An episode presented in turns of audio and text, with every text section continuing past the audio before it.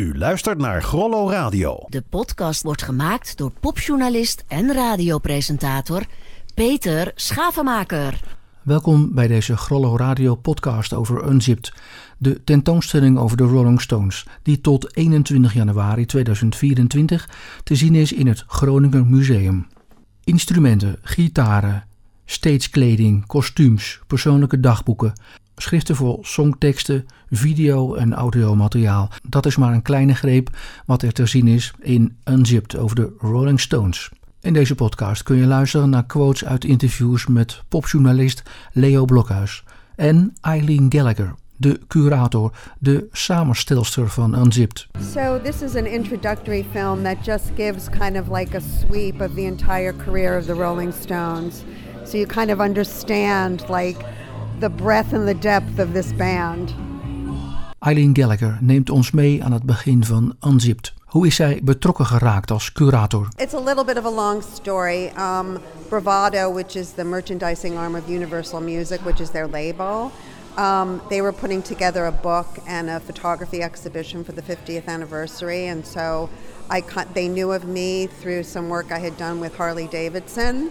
And um, so they tapped me for that. And then when this opportunity came, thank goodness they remembered me. So I was brought in to do this. So I, I curated the exhibition, which started in 2016 in London, and then traveled to the United States, and then to Australia and Tokyo and around the world. Eileen Gallagher werkte eerder als curator bij Rock and Roll Hall of Fame. I mean, the Rock and Roll Hall of Fame is a little bit different. I mean, this is a I, I think of this as a more immersive experience. The Hall of Fame, um, they have a lot of stuff, but we tried to really kind of create a context around the work here. Um, so yeah, but I did learn a lot from the Hall of Fame experience. Yeah, yeah. And the, the context of the exhibition itself, how would you describe it in a, in a few words? Concept. Well, it's really about, you know, again, it's not just about the music, it's about all aspects of the band's career and kind of when you put all the parts together, it really is it's pretty powerful cultural statement because they've had such an impact on popular culture not just through their music but through all other aspects of their work. Them around the world and all the countries that they visited and I mean you can see the first couple of years they were just in London the whole time, but performed like an enormous number of concerts. I mean, it's pretty crazy how many times they performed. Um, and Keith actually talks, you know, he has little notes about this in his diary, which is in the gallery coming up. And then the next gallery is the Edith Grove apartment, which is my favorite, exactly. As I said, we took the most artistic license there, but... Eileen Gallagher over het bijzondere dagboek van Keith Richards uit 1963, dat tentoongesteld is tijdens Unzipped, een van de kroonstukken van de expositie. Voordat de Rolling Stones beroemd zouden worden, leefden Mick Jagger, Keith Richards, Brian Jones en soms Charlie Watts in een heel klein appartement op 102 Edith Grove in Londen. Tijdens Unzipped kun je een kijkje krijgen in dat appartement. Het is namelijk nagebouwd. Daar tref ik ook Leo Blokhuis. Ja, mooi is dit hè. Ik vind dit, dit is wel stiekem een beetje het favoriete onderdeel van de expositie voor mij omdat uh, je wilt uh, eigenlijk beleving in een museum. Ik bedoel, in plaats van naar plaatjes kijken of zo. Het gaat tenslotte, muziek is beleving. En hier zit je in, de, in het appartement waar, uh, waar Mick en Keith en Brian en Charlie gewoond hebben. En dan kan je je ineens voorstellen dat ze hier op de grond hingen met een sigaretje in de mond en een gitaartje op schoot. En hun eerste uh, eigen likjes aan het uh, proberen waren gitaarlikjes uiteraard. En wat voor belevingen haal jij hier uit wat betreft de liedjes, hè? de songteksten en zo, dat zij ontstaan zijn uit deze ongelofelijke nou ja, bende destijds?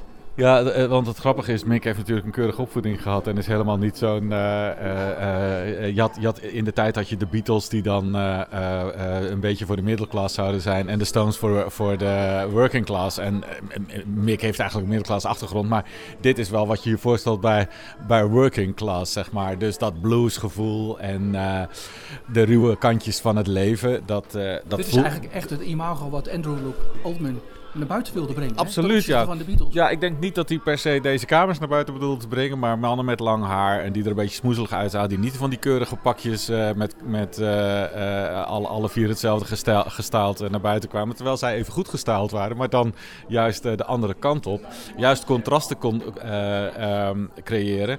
En het grappige is, dat verhaal ken je en dan denk je, ja, dit is Andrew Luke Oldham. Maar dit is, dit is hoe ze er echt bij zaten. En dan denk je, nou, dat imago was helemaal niet zo gek. Want dit, ja, dit, is, niet, uh, dit is niet de keurige, uh, keurige mensen die s ochtends om uh, acht uur naar hun werk gaan... en om half zes weer terugkomen en dan een, een blikje beans met spek open gaan maken, zeg maar. Dus ja, ik vind dit een heel mooi beeldend deel van, van de expositie. Is dit een van de hoogtepunten voor jou?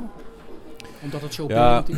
Ik, ik, ik, uh, ik denk ook heel erg in beelden. Dus ja voor, mij, ja, voor mij wel. Maar ik vind het wel lastig hoor, want er zijn heel veel hele mooie dingen. Uh, er zijn heel veel dingen die ik gewoon mooi vind om naar te kijken. En, en ik vind die uh, Sympathy for the Devil zaal vind ik te gek. En aan het eind zit, ook, zit je ook even goed in die concertbeleving van de Stones. Dat is op een andere manier. Maar als je gewoon kijkt van er staan dingen en je kunt er naar kijken. En dat zijn dingen die je in een museum ziet en die je niet op je beeldschermpje ziet, zeg maar. Dat, dat, dus bijvoorbeeld een hoes, die heb je in je hand. En dan, nou, dan heb je wat outtakes van een hoes, dat is interessant. Maar hier, dit kan je thuis niet maken. Dus dit is, dit is, wel ja, dit is gewoon een hoogtepunt. Een relevante vraag aan Leo Blokhuis. Hoort rock and roll en hoorden de Rolling Stones thuis in een museum? Is dit museaal? is dit museaal of niet? Ja, dit is een namaken van een grote bende in 1963. Maar kijk hoe het eruit ziet. Is wel, wel heel erg goed gedaan. Maar ik vind de link van de Stones ook wel naar, de, naar, naar kunst... vind ik veel meer liggen in... Uh, uh, uh, contact zoeken met Andy Warhol, contact zoeken met echt goede kledingdesigners. En dat is niet dat ruige wat ze in het begin hadden, maar juist iets later als Mick Jagger bij wijze van spreken een damesblouse aantrekt en daar ongelooflijk cool en sexy in lijkt. Wat in die tijd echt wel een vooruitstrevende stap was. Dus dat, dat vind ik eerder museaal. Dat ze, dat ze progressief met allerlei artforms, dus met, met um, uh, met, met uh, kledingontwerpers, met grafische ontwerpers als Andy Warhol en, en, en andere hoesontwerpers die echt op hoog niveau werkten. Maar ook geïnspireerd door literatuur. Als je kijkt naar Sympathy for the Devil, zo'n zo'n nummer, dat, dat, is, dat vind ik eigenlijk ook literatuur en kunst. Ik bedoel, dat vind ik niet van alle nummers van de Stones, maar dat nummer, dat is, dat is wel een heel gelaagd nummer. Uh, op, die manier, op, die manier, blijft uh, Charlie toch uh, een beetje in leven. Krijgt hij ook een soort hommage. Want Charlie was natuurlijk een van de vormgevers van ja. de Stones. Hè? Van de tours en van de decors. Ja, ja, ach, ja Charlie was, was ook een ontzettende stille, slimme kracht. Hè? En dit vind ik ook grappig. Ik ging Charlie uh, Watts een keer interviewen. En toen, toen had ik contact met Daniel Lohuis. En ik zei, te, vind ik altijd al een leuke test. Ik zei tegen Daniel Lohuis, ik zeg, wat, wat zou jij aan Charlie vragen als jij mocht spreken. En toen zei hij, ja, ik weet niet hoe ik dat moet vragen. Hij zei maar, uh, hij zei, ik vind het bijzondere van Charlie is dat hij, hij was een jazzdrummer meer dan een, dan een rockdrummer. En hij zegt, als Charlie er niet geweest was, dan waren de, de Stones veel meer een soort ordinaire bluesrock barband geweest dan dat ze geworden zijn. Dus Charlie heeft altijd iets heel sophisticated aan die dirty kant van de Stones toegevoegd. En ik denk zelfs, dat... Zelfs disco. Ja, ja, hoewel daar heb ik hem specifiek over gevraagd. Maar daar, daar gaven ze toch ook wel veel credits aan Mick Jagger. Die in die tijd ook wel heel graag in uh, Club 45, Studio 45 in New York zat en zo. Dus daar zitten ook wel uh, uh, nog andere. Ik denk, ik denk hij en, en Charlie samen. Dus Mick en Charlie samen. Later meer quotes van een interview met Leo Blokhuis tijdens de persopening van Unzipped in het Groninger Museum. Voorafgaande aan deze persopening was er een persconferentie, waarbij ik de vraag stelde wat de rol is van Bill Wyman, algemeen gezien als de archivaris van de Rolling Stones. There was a conscious effort to just really concentrate on the four, four current members of the band. So, you know, even Ronnie Wood, who, you know, was the newest member of the band, joined the band in the 70s. Um, so it was a decision by the management to really focus on those four individuals. I mean, Bill Wyman is given some credit in the very early part of it, but then his role and both him and Mick Taylor really aren't kind of considered to be part of the exhibition. Een opmerkelijke kleine rol voor Bill Wyman, zijnde de archivaris van de Rolling Stones. Wyman heeft daar zelf een aantal boeken over geschreven, over de geschiedenis van de Stones.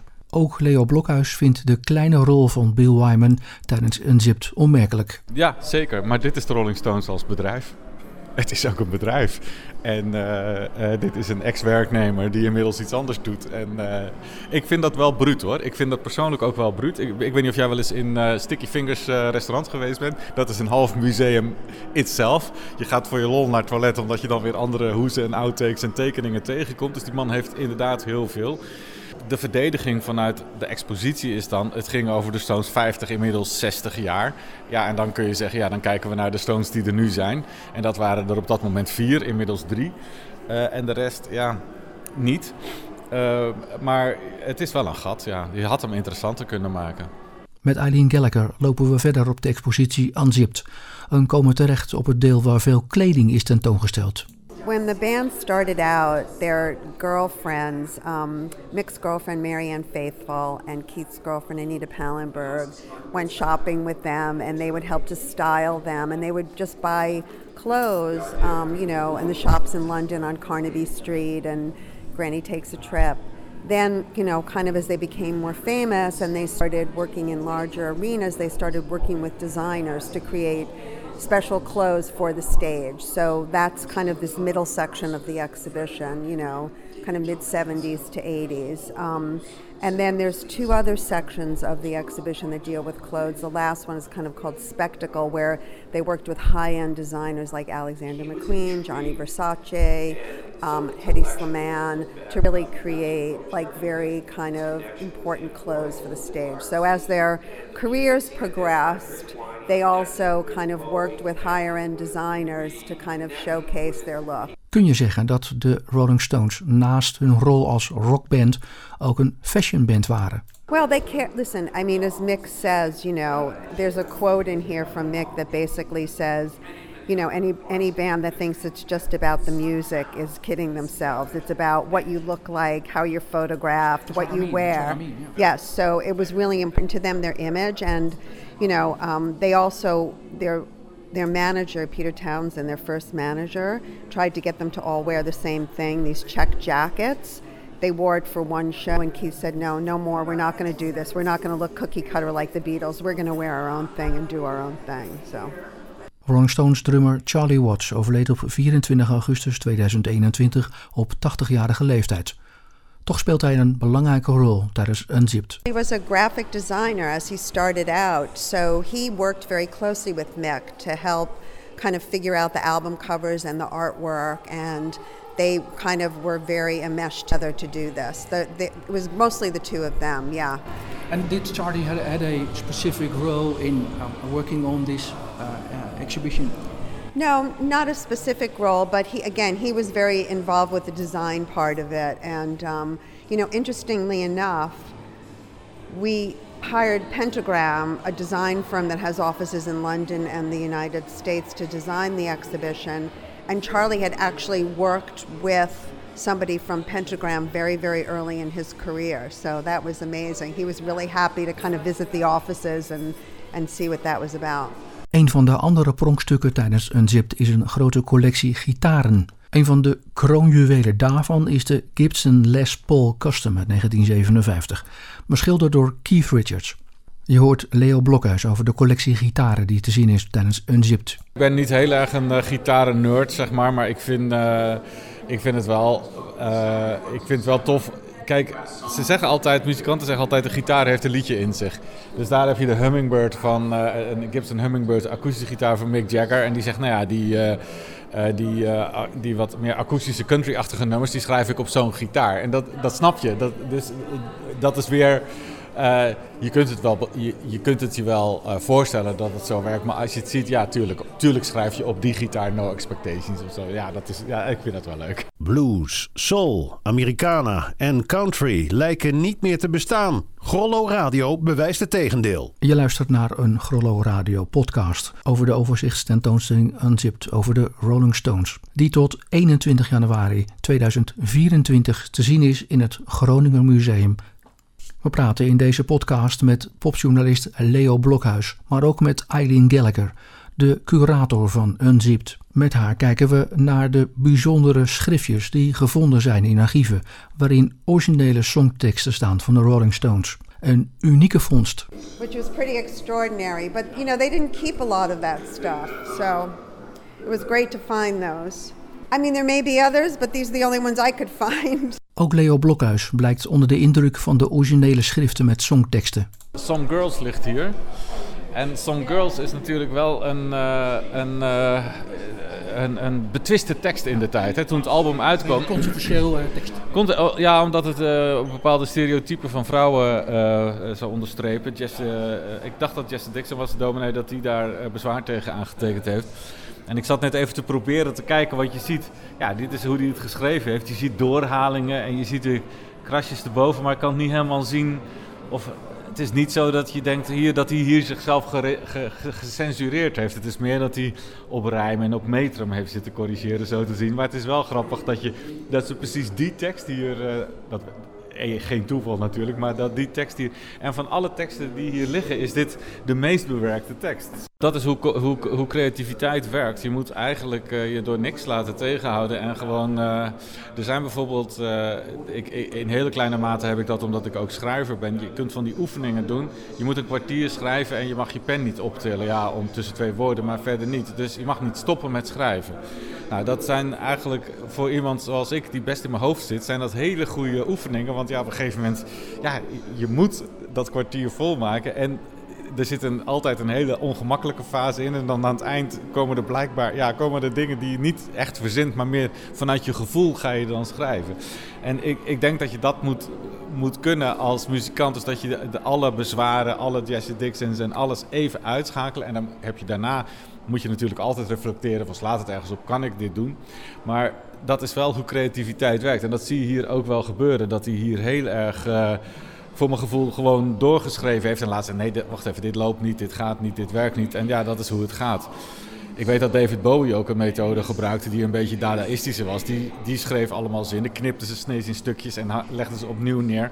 Om te kijken of daar een soort nieuwe werkelijkheid uit ontstaat die, die meer ritme om ritme en om associatie gaat dan dat het een logisch verhaal is. En het is allemaal tekst, dus je kunt je kunt je gevoel opschrijven, je kunt een verhaaltje willen vertellen in een lied, maar je kan ook een laagje dieper naar gevoel gaan en naar associatie en naar eh, eh, ja, eh, meer, meer op emotionele vlak gaan schrijven. En ik denk dat als je echt hele briljante teksten wil schrijven, dat je die, die bron ook moet kunnen raken om boven het alledaagse uit te stijgen. Wat fijn is als muziek dat doet. Was, was, je, was je idee dat het er zo uit zou zien, de, de rietjes op papier? Ik had hier eigenlijk niet zo heel erg, eh, eerlijk gezegd. Kijk, je ziet, ik heb het idee dat je hier bij, bij het maakproces zit. Kijk, hier bijvoorbeeld zie je respectable en dan zie je keurig. met... eh, Ja, ook wat krabbeltjes, maar op de andere kant zie je keurig verse, chorus, verse, choruses, guitars, middle, choruses, forerunnings, chorus. Dus hier is heel duidelijk de structuur van het liedje op. Maar je ziet aan het handschrift, dit is, dit is gewoon een heel bedacht, dit is gewoon, misschien was het liedje al af toen hij dit, of tenminste wist hij wat hij ging doen. Dus hier zie je herinnering. ja, van zo gaan we dit doen. Gewoon als, bij wijze van spreken als notitie voor iedereen. Jongens, hier, ik, ik schrijf het wat groter op. Dit gaan we spelen. En dit, dus dit voelt wat publieker. Dit voelt heel intiem. Maar hier voelt dit, dit. eh, hier, hier, ligt, eh, hier lag Some Girls. En hier ligt eh, Worried About You. En Hey Negrita. Ja, Miss You, dat is deze, denk ik. Ja. Deze waar je nu met je vingers mis. Ja. Kijk, daar zie je, die, is, die lijkt in één keer geschreven. Zie je dat? Een soort schoolschrift. Ja, maar dit is gewoon alsof hij aan- één keer een woordje doorgehaald. Terwijl, want je hebt alleen geluid. Terwijl bij Some Girls zie je achter elkaar doorhalingen, dingen erbij geschreven, pijlen en weet ik het. En, en dit is, maar dit is vrij ordelijk geschreven. Maar juist het zoeken naar, naar wat het moet worden is natuurlijk wel Ze interessant. zegt al iets over de complexiteit van het nummer Ja, later. Hè? later. ja, ja, je dat denk ik, Dat, ja. dat Miss You is een veel meer structuurnummer. Ik denk het, ja. Ik, ik denk dat het. Ja, ik, wij zitten ook maar een beetje van de filosofietje van de koude grond. Ik zit ook even te kijken, want hier zit hij ook te knoeien met de structuur van het nummer. Oké, wacht even, dit wordt een Ik heb het instrument. idee dat je hier wel een soort studie van wil maken. Hoe dat nou Ik heb zin om hier beter muziek- naar te kijken. erbij om te kijken wat er gebeurt. Dat zou misschien interessant zijn. Nee, want, want ik denk dat dit uiteindelijk hier helemaal rechts, die kolom. Kijk, er staan ook tijden bij. Dus hier zit hij waarschijnlijk op een demo zit hij te reageren. Zie je dat?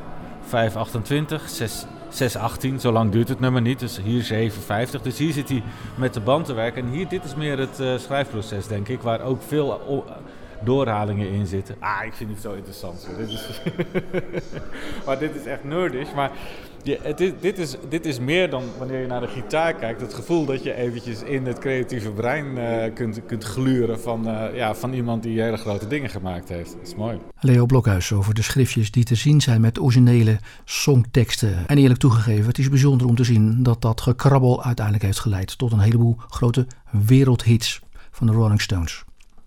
Unzipped is eh, te zien in het Groninger Museum, overigens de allerlaatste locatie waar de tentoonstelling te zien is. Eerder was Unzipped te zien in Londen, Sydney, de Verenigde Staten en Azië. En ook al in Groningen in 2020, maar moest toen vanwege COVID sluiten na vier weken. Dat het bij de Stones om meer dan alleen muziek gaat, komt duidelijk terug in Unzipped. Maar ook aandacht voor de Rolling Stones als liveband, met veel decors. Zowel foto's maar ook manquettes. Stones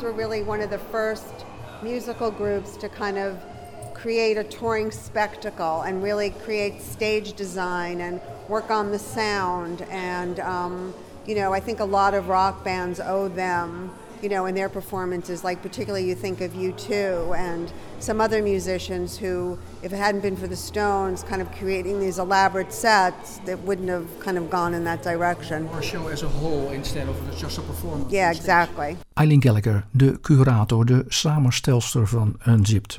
Met haar praat ik verder over de decors van de grote Stones tours van 1975. Bijvoorbeeld de Tours of the Americans tot de Steel Wheels Tour. Dat is allemaal te zien tijdens Unzipped. Yes, and they worked with a company called Stu Fish, Mark Fisher, um, and Patrick Woodruff, who's their longtime lighting designer, to really kind of create these spectacles. Yeah, it's really, I think it's really um, important to understand their on-stage presence and to see these sets that they evolved, um, they're pretty incredible. There's no way. I mean, we thought of actually those two inflatables on top of that stage, on top of steel wheels, but those things are humongous. So we had to recreate the models. Was het bijzonder voor Eileen Gallagher dat zij heeft mogen werken aan deze tentoonstelling over de Rolling Stones? Yeah, definitely. Well, I mean, just having the opportunity to work with the band, we had a great group of designers um, that we worked with to put it together.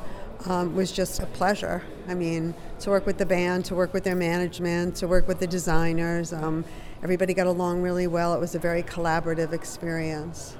And then we go into the finale, which is um, highlights from the show that they did in Cuba, um, which was really the first time that a, a large rock spectacle um, was to take place in Cuba because um, rock music was banned there for a long time. So once the ban was lifted, they were the first ones to go and perform there. So.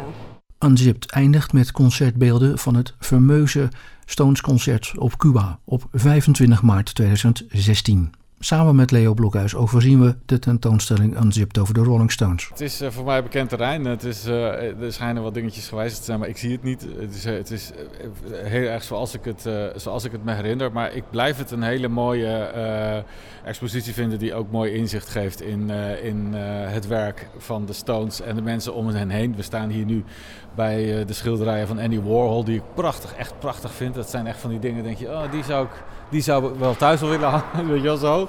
Dat vind ik toch ook altijd wel mooi, dat het oog ook iets uh, krijgt. Mooie outtakes van Hoeze en eerdere ideeën. En het gaat alle kanten op van het, dus het appartement waar ze gewoond hebben, naar de studio, naar de gitaren, naar bijzonder uh, een blik op, uh, op, op de, de schrijfschriftjes van, van Mick Jagger. Zijn dit de, de achtergronden die jij soms die jij mist of die jij zoekt? Nou, mist niet. Kijk, je, het, het, ja, nou eigenlijk wel. Dit zijn, voor een deel zijn dit achtergronden die ik uh, zoek. Ik zoek altijd de verhalen om liedjes, achter liedjes. Waar ik zelf nog meer zou naar zoeken als ik me zou verdiepen in de Stones, is nog iets meer. Dit is wel heel erg naar, naar binnen gekeerde expositie, namelijk de Stones. En hoe ze dingen gemaakt hebben, met wie ze samengewerkt hebben. En ik zelf wil eigenlijk altijd meer weten. Op wiens schouders staan ze? Waar, kom, waar komen muzikale invloeden vandaan? Hoe zag de maatschappij eruit toen zij hun muziek maakten. zij staken hun tong uit naar het gezag. Het logo is er, maar waarom? Waarom dat logo? Daar zit iets. Duiding. Nou ja, duiding vanuit, ja, bij wijze van spreken, sociaal-culturele duiding. Dat is waar ik, is gewoon mijn, wat ik leuk vind. Dat is waar ik zelf meer naar zoek.